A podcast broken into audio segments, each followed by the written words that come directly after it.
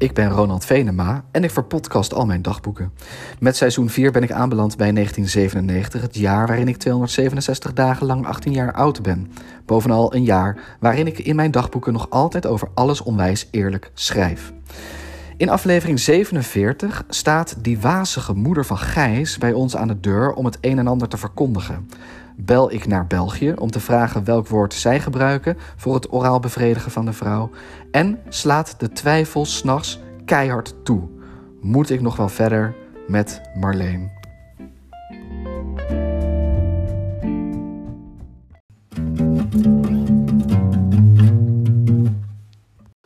...21 mei 1997, woensdag, 16 uur 22.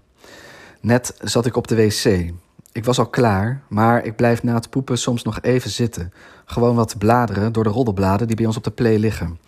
Het is een moment voor mijzelf, even helemaal niets aan mijn hoofd. Terwijl ik uitgepoept en al zat te lezen, ging de voordeurbel. Onze wc zit in de gang naar de voordeur. Mama deed open. Ik hoorde een vrouw bij onze voordeur vragen of ze stoorde. De stem van die vrouw herkende ik. Dat was de moeder van Gijs. Dat mens dat altijd bezig is met vage shit en aura's en zo. Ze staat de laatste tijd vaak in de winkelstraat zelfgemaakte foldertjes uit te delen. Ze heeft altijd erg kleurrijke en weierige jurken aan. Ze probeert de aandacht van de mensen te trekken door heel zwierig met die jurk te wapperen. Als ik haar in de winkelstraat zie dansen met haar folders, kijk ik altijd zoveel mogelijk naar de winkeletalages. Alsof ik echt geïnteresseerd ben in de troep die daar verkocht wordt.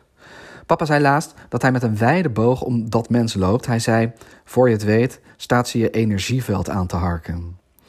Mijn moeder aan de voordeur had nog niet eens geantwoord of dat mens wel of niet stoorde.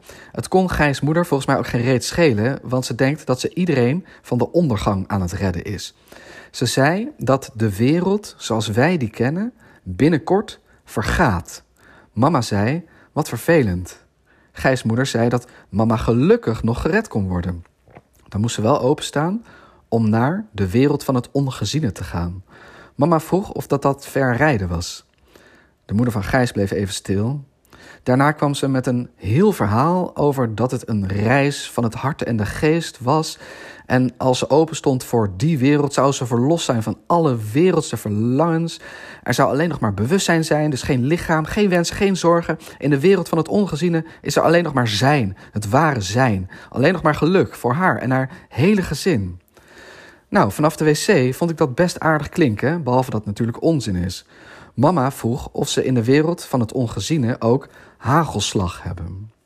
Ik hoorde geen antwoord. Waarschijnlijk schudde Gijs moeder haar hoofd, want daarna zei mam... Als er in de wereld van het ongeziene geen hagelslag is, krijg ik mijn kinderen echt niet mee. Toen deed ze de deur dicht. In de gang hoorde ik haar mompelen en de groetjes aan je aura. Ik lachte zachtjes op de play. Een wereld zonder hagelslag is voor ons inderdaad om en nabij de hel.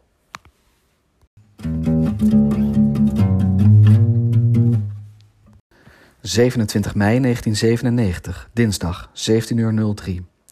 Ik heb een nieuw woord voor vagina. Flamouche. Ik hoorde het op de radio. Een man gebruikte dat woord. Die vent klonk Vlaams.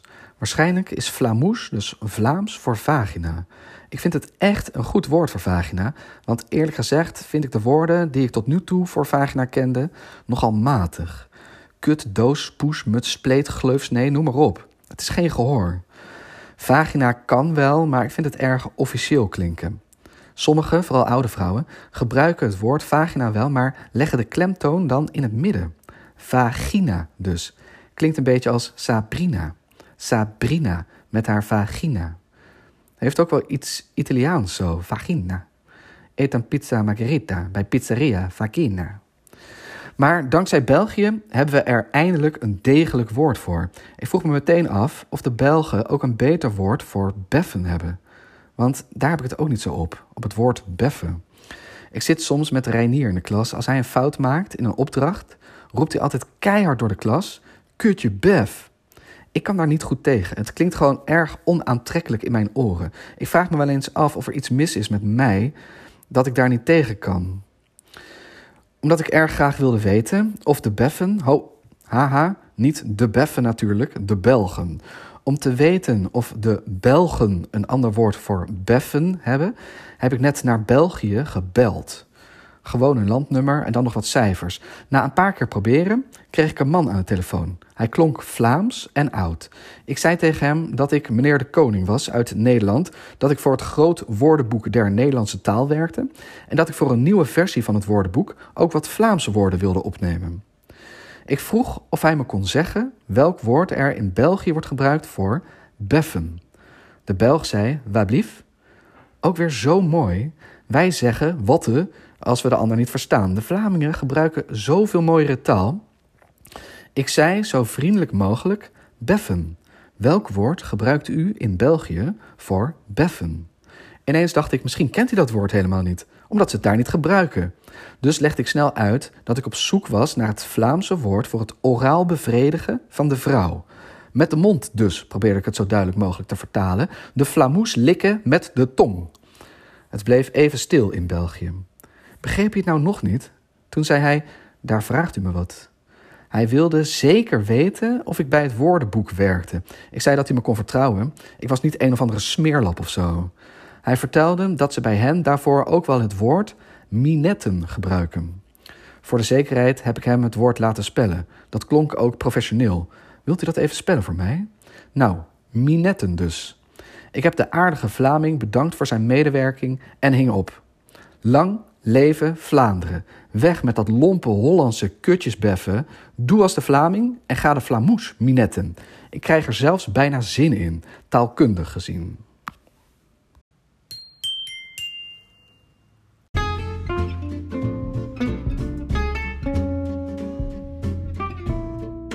Mijn verpodcaste dagboeken worden verboekt. In het najaar van 2022 verschijnt het eerste deel bij uitgeverij Luiting Seithof. Hou je boekhandel dus goed in de gaten. Of kijk op ronaldvenema.nl.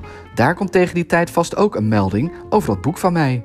Sowieso een erg leuke site met informatie en foto's en nog veel meer. Kom kijken en kopen. Mega cool, onwijs tof, mijn boek bij Luiting Seithof. 1 juni 1997, zondag, 21 uur 44. Vera is eergisteren 13 geworden. Van mijn ouders heeft ze een cavia gekregen. Dat wilde ze al heel lang, het was haar grootste wens. Mam wilde eigenlijk een cavia kopen voor het hele gezin. Maar Bas en ik hoefden geen cavia. Vroeger vonden we een huisdier nog wel leuk. We hebben natuurlijk Pluisje gehad, die was wel lief, maar werd ook erg snel tot zijn schepper geroepen, zoals oma Venema zou zeggen. Maar tegenwoordig weten we wat een werk het is om zo'n beest in leven te houden. Eten geven, water geven, kooi verschonen, op schoot nemen, etc. De cavia die Vera als verjaardagscadeau heeft gekregen, is dus echt helemaal voor haar. Ze moet hem op haar eigen kamer houden en verzorgen. Ik hoop voor haar dat hij niet te veel lawaai maakt. Die beesten kunnen enorm hard en hoog piepen. En als ze andijvie willen, gaan ze op de tralies van hun kooi knagen. Dan zijn het echt terrorratten omdat de cavia helemaal van haar is, mocht zij hem een naam geven, dus heet hij nu Rick. Vera is namelijk onwijs verliefd op Ferry Somochi, die Rick speelt in Goede Tijden, Slechte Tijden. Goede smaak, want het is best een knappe gast. Zijn haar is cool, het lijkt een beetje op dat van mij. Als ik een meisje was geweest, zou ik misschien ook wel op iemand als Ferry Somochi vallen. Als ik een meisje was geweest, hadden mijn ouders mij Barbara genoemd. Barbara Venema. Ik vind Ronald al zo-zo, maar Barbara? Hoe had mijn leven eruit gezien als ik niet Ronald, maar Barbara Venema was geweest? 18 jaar, een mooie, jonge, intelligente vrouw. Met een vriend natuurlijk, iets ouder dan ik, een Fransman, Lucien. Of nee, Gabriel. Een Spanjaard misschien. Gabriel is een geile gast en wil de hele tijd seks met mij. Dat lijkt me zo vreemd. Als vrouw seks hebben met een man, dan gaat er dus iets wat niet van jou is bij je naar binnen. Je wordt gepenetreerd. Ik word een beetje misselijk van die gedachte. Ik heb niets tegen penetreren, maar ik wil dat dan wel zelf doen. Bij iemand binnendringen is heerlijk, fijn gevoel en het is altijd warm. Maar hoe is zoiets voor Barbara Venema? Dat er iemand bij mij binnendringt. Voelt dat gevuld? En dan komt Gabriel in mij klaar. Onwijs het tyfusbende. Zakdoekjes erbij, schoonvegen. Als we het zonder condoom doen en heel veel pech hebben, raak ik zwanger. En dan groeit er dus iets in mij, een wezen, maandenlang, als een vleesboom. Gadverdamme. Waarschijnlijk zou ik als Barbara Venema 100% lesbisch zijn. En heel goed bevriend zijn met Annelien en Eva en Sarah en Milou. Als ik jarig ben, nodig ik die meiden uit voor een slaapfeestje op mijn zolderkamer. Luik dicht, langzaam uitkleden, ook de BH's uit, vrouwenorgie natuurlijk. Wel hopen dat ik als Barbara niet zo dom ben geweest om op mijn dertiende een cavia voor mijn verjaardag te wensen. Zijn mijn vriendinnen en ik lekker lesbisch flamoesjes aan het minetten op mijn kamer, zit Rick aan zijn kooi te knagen omdat hij andijvie wil. Super irritant.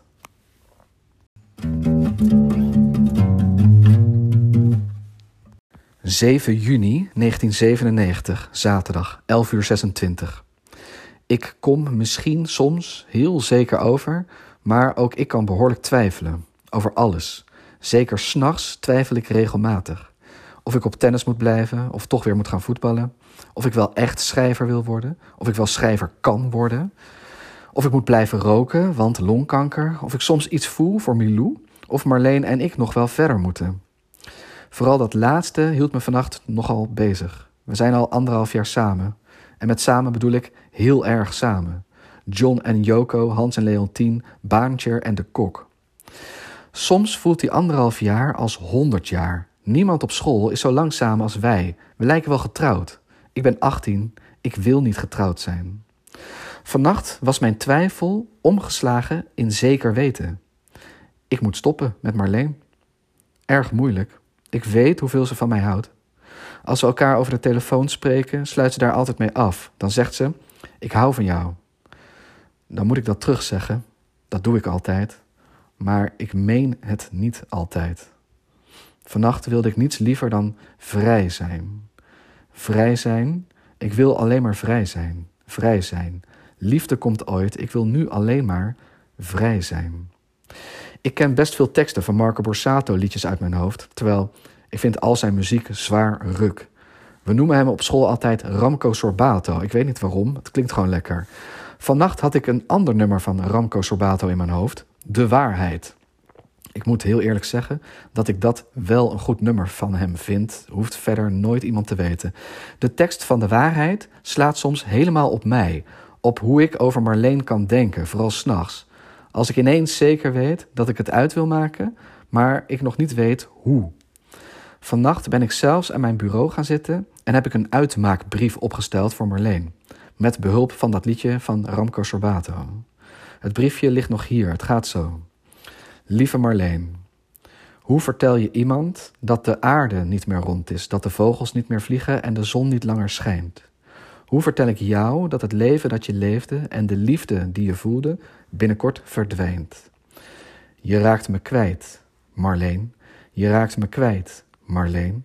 Het is de waarheid. En ik ween. XXX Ronald. Maar vanochtend werd ik wakker en was ik fris en er waren vrolijke vogeltjes in plaats van die stampende en koerende kutduiven op mijn dak. En ik dacht, wat ben ik ook een sukkel. Ik heb een vriendin die onwijs veel van mij houdt. Ze is mooi en lief en ook wel slim. Ik wist alweer helemaal zeker dat ik niet zonder Marleen verder wilde. Wat is dat toch met die nacht? Die sombere donkerde van de nacht waarin Ramco Sorbato zijn zware muziek over me heen kotst. Ik heb zijn waarheid vanmorgen weggespoeld met mijn nieuwste cd, die van Skik. Keihard meegezongen met een liedje op fietsen, of in elk geval met de stukken die ik kon verstaan. Daarna Marleen gebeld en afgesproken om zo bij haar thuis te lunchen. Haar vader maakt zijn tomatensoep voor ons, die maakt hij wel vaker op zaterdag. Als we een paar happen hebben genomen, vraagt hij altijd of zijn soep onze goedkeuring kan wegdragen. Marleen antwoordt vaak dat het de lekkerste soep van de wereld is. Ik knik dan, soms zeg ik dat het inderdaad de lekkerste soep van de wereld is. Is niet zo, mama's tomatensoep is lekkerder. Komt vooral door haar ballen, die zijn beter dan die van meneer Bakker. Mams soepballen zijn namelijk rond en glad. Die van meneer Bakker zijn altijd wat grof. Ik ben fan van glad en niet van grof. Voordat Marleen net de telefoon ophing, zei ze natuurlijk weer: Ik hou van jou. Ik zei het terug en ik meende het.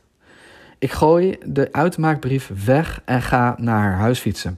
Ik heb de banden vol met wind. Nee, ik heb ja niks te klagen.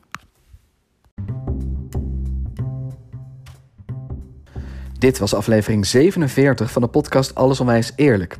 Ik ben mailbaar ronaldvenema78.gmail.com en twitterbaar, het Ronald Venema. En nu snel de volgende aflevering luisteren. Een aflevering waarin ik een serieuze poging doe om te stoppen met roken.